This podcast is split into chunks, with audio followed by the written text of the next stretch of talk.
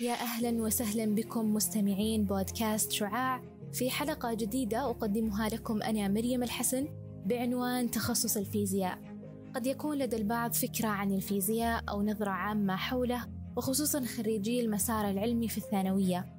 لكن في هذه الحلقة سوف أتناول معكم أهم النقاط التي من الممكن أن تساعدكم في معرفة هذا التخصص. تخصص الفيزياء يسمى بعلم الطبيعة. وهو مختص بدراسة الطاقة والحركة والقوة والوقت وكذلك المادة والكتلة والربط بينها لتكوين ماهية الكون. فإن كنت مهتم لتعرف كيف تسير الحياة فسوف يكون هذا التخصص مناسب لك. هناك عدة شروط للقبول بهذا التخصص. أولا أن لا تقل نسبة الثانوية العامة عن 75% للطلاب والطالبات. كذلك اختبار تحديد مستوى للغة الإنجليزية. نسب القبول للجنسين هي 82 عدد سنوات الدراسة هي خمسة سنوات مع السنة التحضيرية. أي بمعدل 90 ساعة. خلال فترة دراستك سوف تدرس مقررات متعددة في الفيزياء. أولا الفيزياء العامة وهي تتكلم عن الفيزياء بشكل عام من حيث الطاقة والكهرباء ومبادئ العلماء. ثانيا فيزياء رياضية. وهو مقرر مختص بالحلول الرياضية والإثباتات الرقمية لتفسير الظواهر الطبيعية وصياغتها في نظريات شاملة كذلك مادة تسمى بالتفاضل والتكامل وهي تعد من أهم المقررات التي يبنى عليها العديد من الأسس الرياضية مثل الاشتقاق، التكامل، النهايات والمتسلسلات. كذلك عندنا الكهرومغناطيسية وهو فرع من فروع الفيزياء يدرس العلاقة بين الكهرباء والمغناطيس.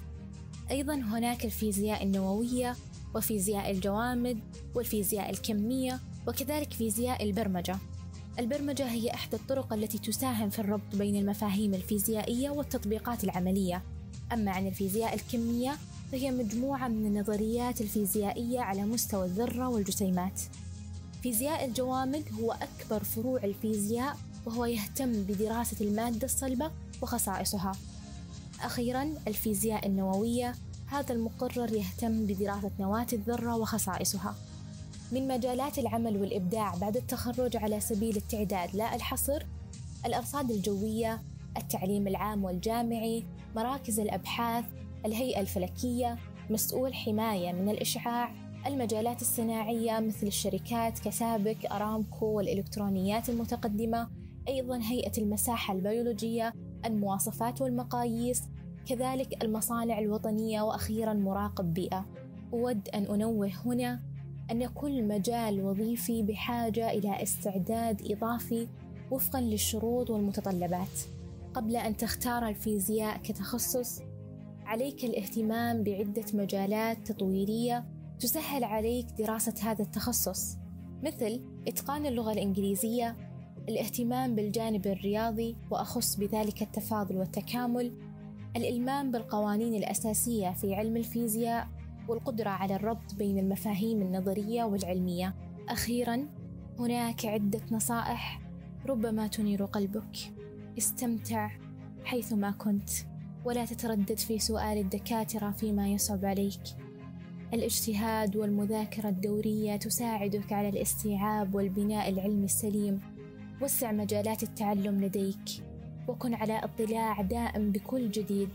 تابع حسابات ناسا والحسابات المهتمة بعلوم الفيزياء والعلماء. أحط نفسك بأصحاب الخبرة. واسأل دائما. فالسؤال هو مفتاح المعرفة والأمل هو مفتاح الحياة. وتذكر دائما أنه لا يوجد تخصص ليس له مستقبل. فبالإبداع والمعرفة والتطور وحب العمل تصل إلى حيث تريد أن تكون. أخيرا الشغف هو الوقود. حارب من أجل شغفك لتشع كالشعاع. في الختام شكرا لحسن استماعكم. أتمنى لكم مستقبل مشرق. انتظرونا في حلقاتنا المقبلة. كنتم معي أنا مريم الحسن.